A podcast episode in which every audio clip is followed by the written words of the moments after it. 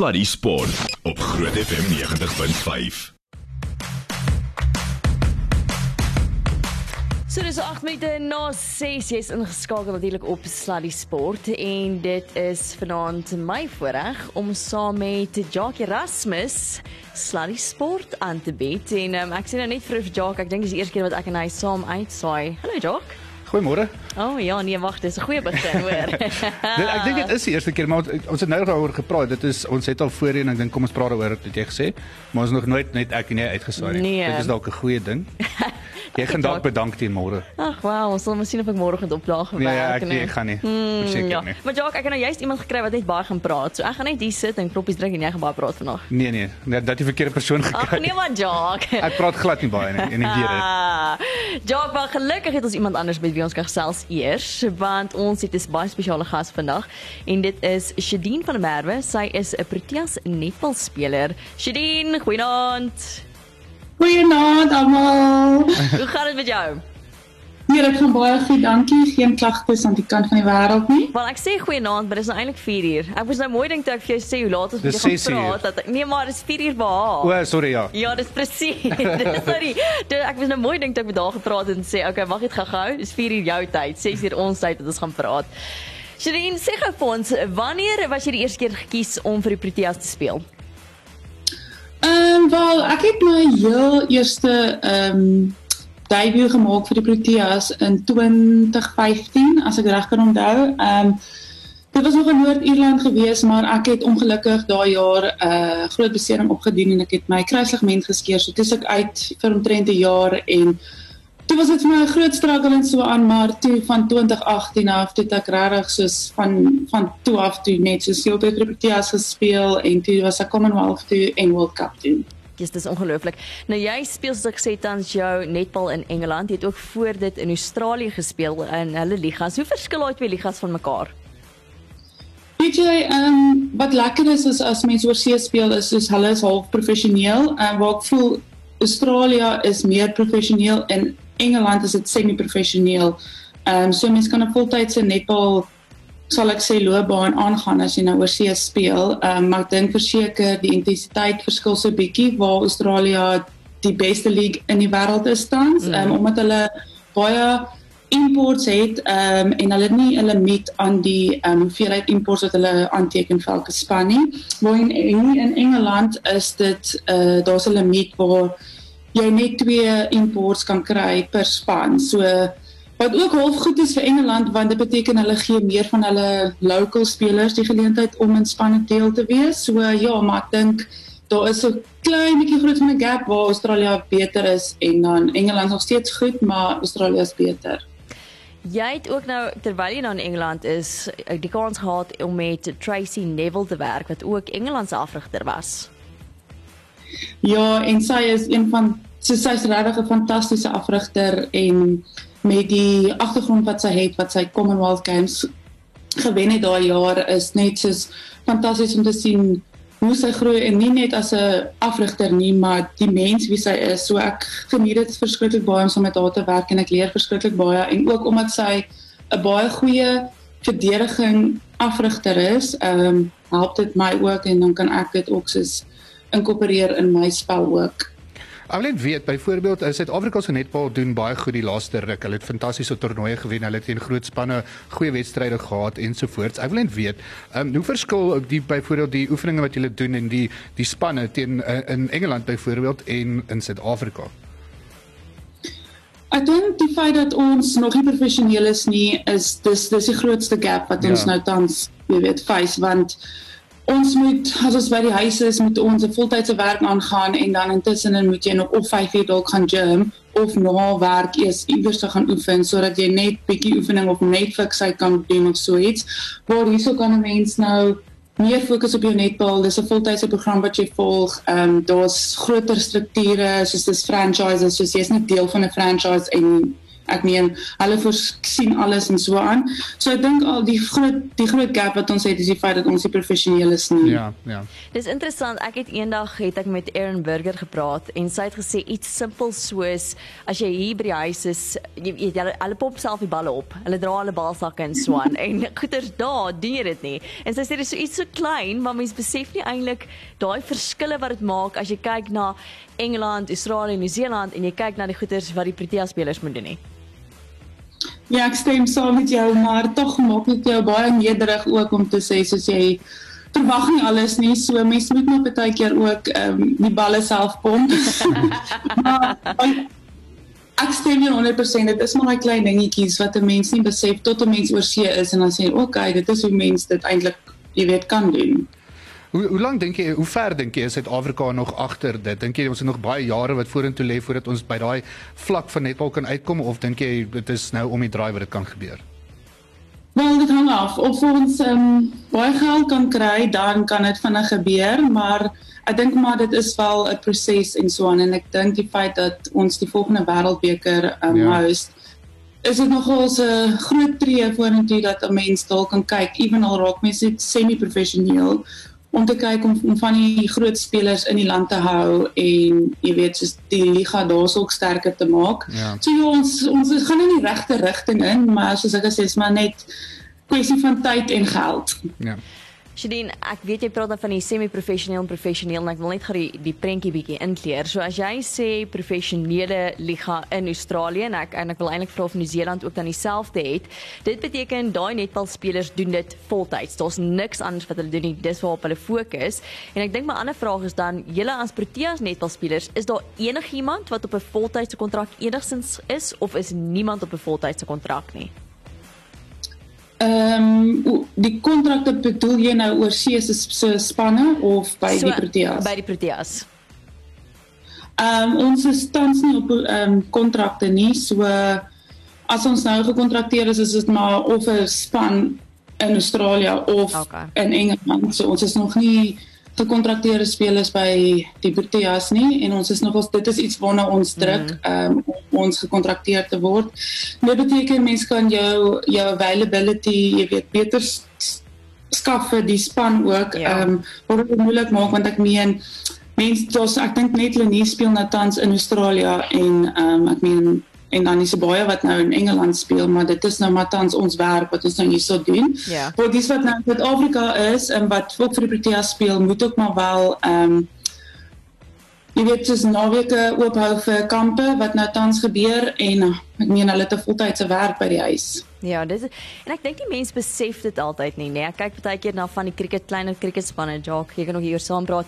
Ehm um, soos en ek kan nou eintlik meer praat oor Nederland spesifiek want ek weet nou van my boetie en so aan. Hulle daai mense werk en soos wat jy nou sê mm. die Protea sal werk vol dag. So hulle sal begin 8 tot 6 in die aand werk, dan moet hulle opdaag vir oefening 7 tot 9 in die aand.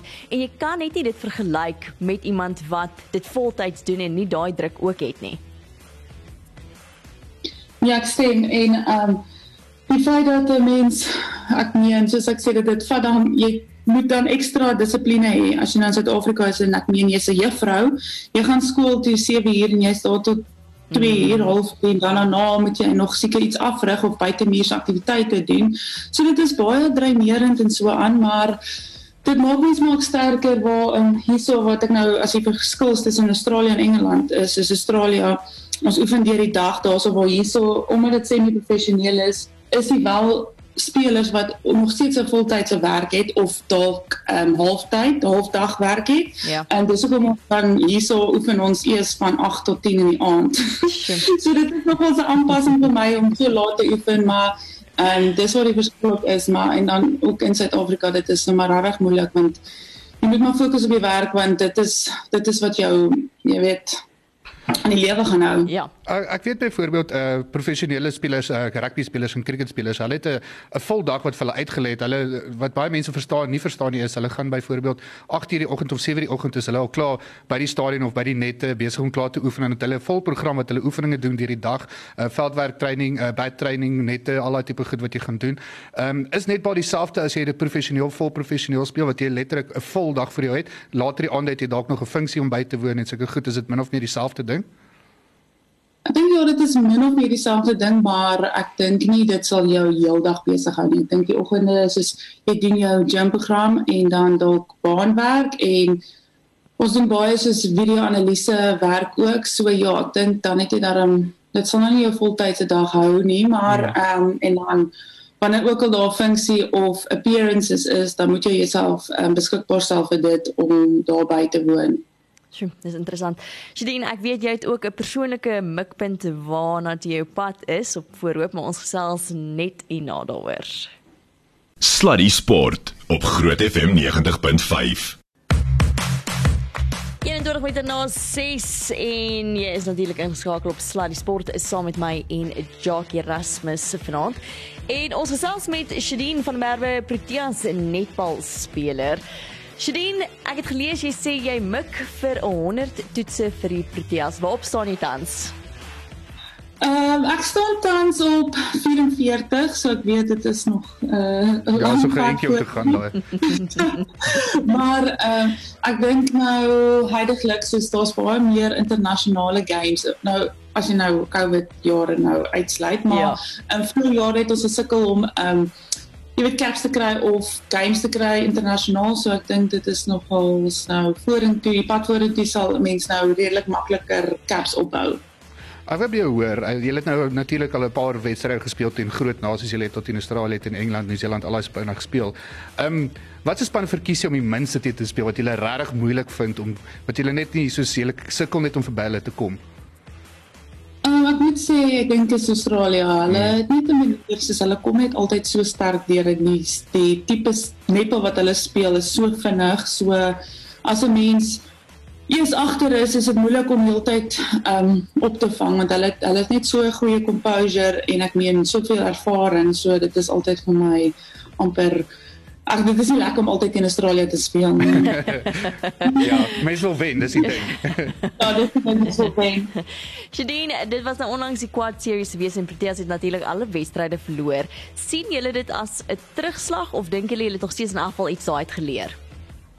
Ek dink ons het verseker um, iets daaruit geleer. Um, ek was ongelukkig nou nie mm. beskikbaar vir dit nie want ek was beseer geweest en ook soos groot name soos Lenie Sportgieter ja. en Karla ek dink um, wat ons daai kan vat is die feit dat ons sterk geëindig het teen daai laaste game teen ja. Nieu-Seeland en ek dink dit het baie karakter gewys um, van ons kaptein ook en die mm. jong spelers so ek dink vir hulle want dit was hulle die eerste keer wanneer hulle die geleentheid gekry het om eintlik teen groot spanne te speel soos Engeland, Nieu-Seeland en Australië, um, waar hulle net al exposure gehad het teen die Afrika lande en dit is glad nie dieselfde nie. So ek dink daar's baie positiewe positiewe goedes wat ons daar ja. kan uitvat is vir die jonges wat soos dit up and coming is sodat hulle net daai exposure kan kry voor mense dit eers ervaar in by Commonwealth Games. Jy het nou Lenie Spotgieter genoem en ons almal weet soos sy's 'n fenominale speler. En iemand soos Siggy Burger het toe baie goed Lenie se skoene amper net maar vol gestaan in die quad series byvoorbeeld. En ja, ek meen Lenie is een van die uniekste doelskieters mm. daar wat wat bestaan en maar gelukkig het ons baie diepte in ons um, ja. doel uit soos ons het regtig sterk doele wat deurkom en meen Ziki het ook nou al vir vir jare speel sy nou in Engeland so sy baie goeie ervaring op Max baie opgewonde oor Inemri Venter ook ja. want sy het ook reg soos gestep op want so sy is een wat altyd op die bench sit en sy het nou die geleentheid gekry omdat Lenise nou nie daar was nie en sy het ek dink met al twee hande aangegryp en dit is goed om te sien soos dat 'n mens kan nie nou net meer staat maak op sewe spelers nie maar 'n hele squad van 15. Kom ons praat gou oor die squad want jou jou span is soos jy weet Australië, Engeland, Nieu-Seeland het 'n goeie squad. So elke keer al daai changes wat hulle maak, maak jy ook wanneer maak jy steeds sterk spelers wat opkom. Dink jy Suid-Afrika daai selfde tipe diepte in die squad? Kyk ons het ons het diepte verseker, ehm um, maar ek dink al wat so sal lek met ons experience is letterlik die jonges wat nie die ervaring het nie.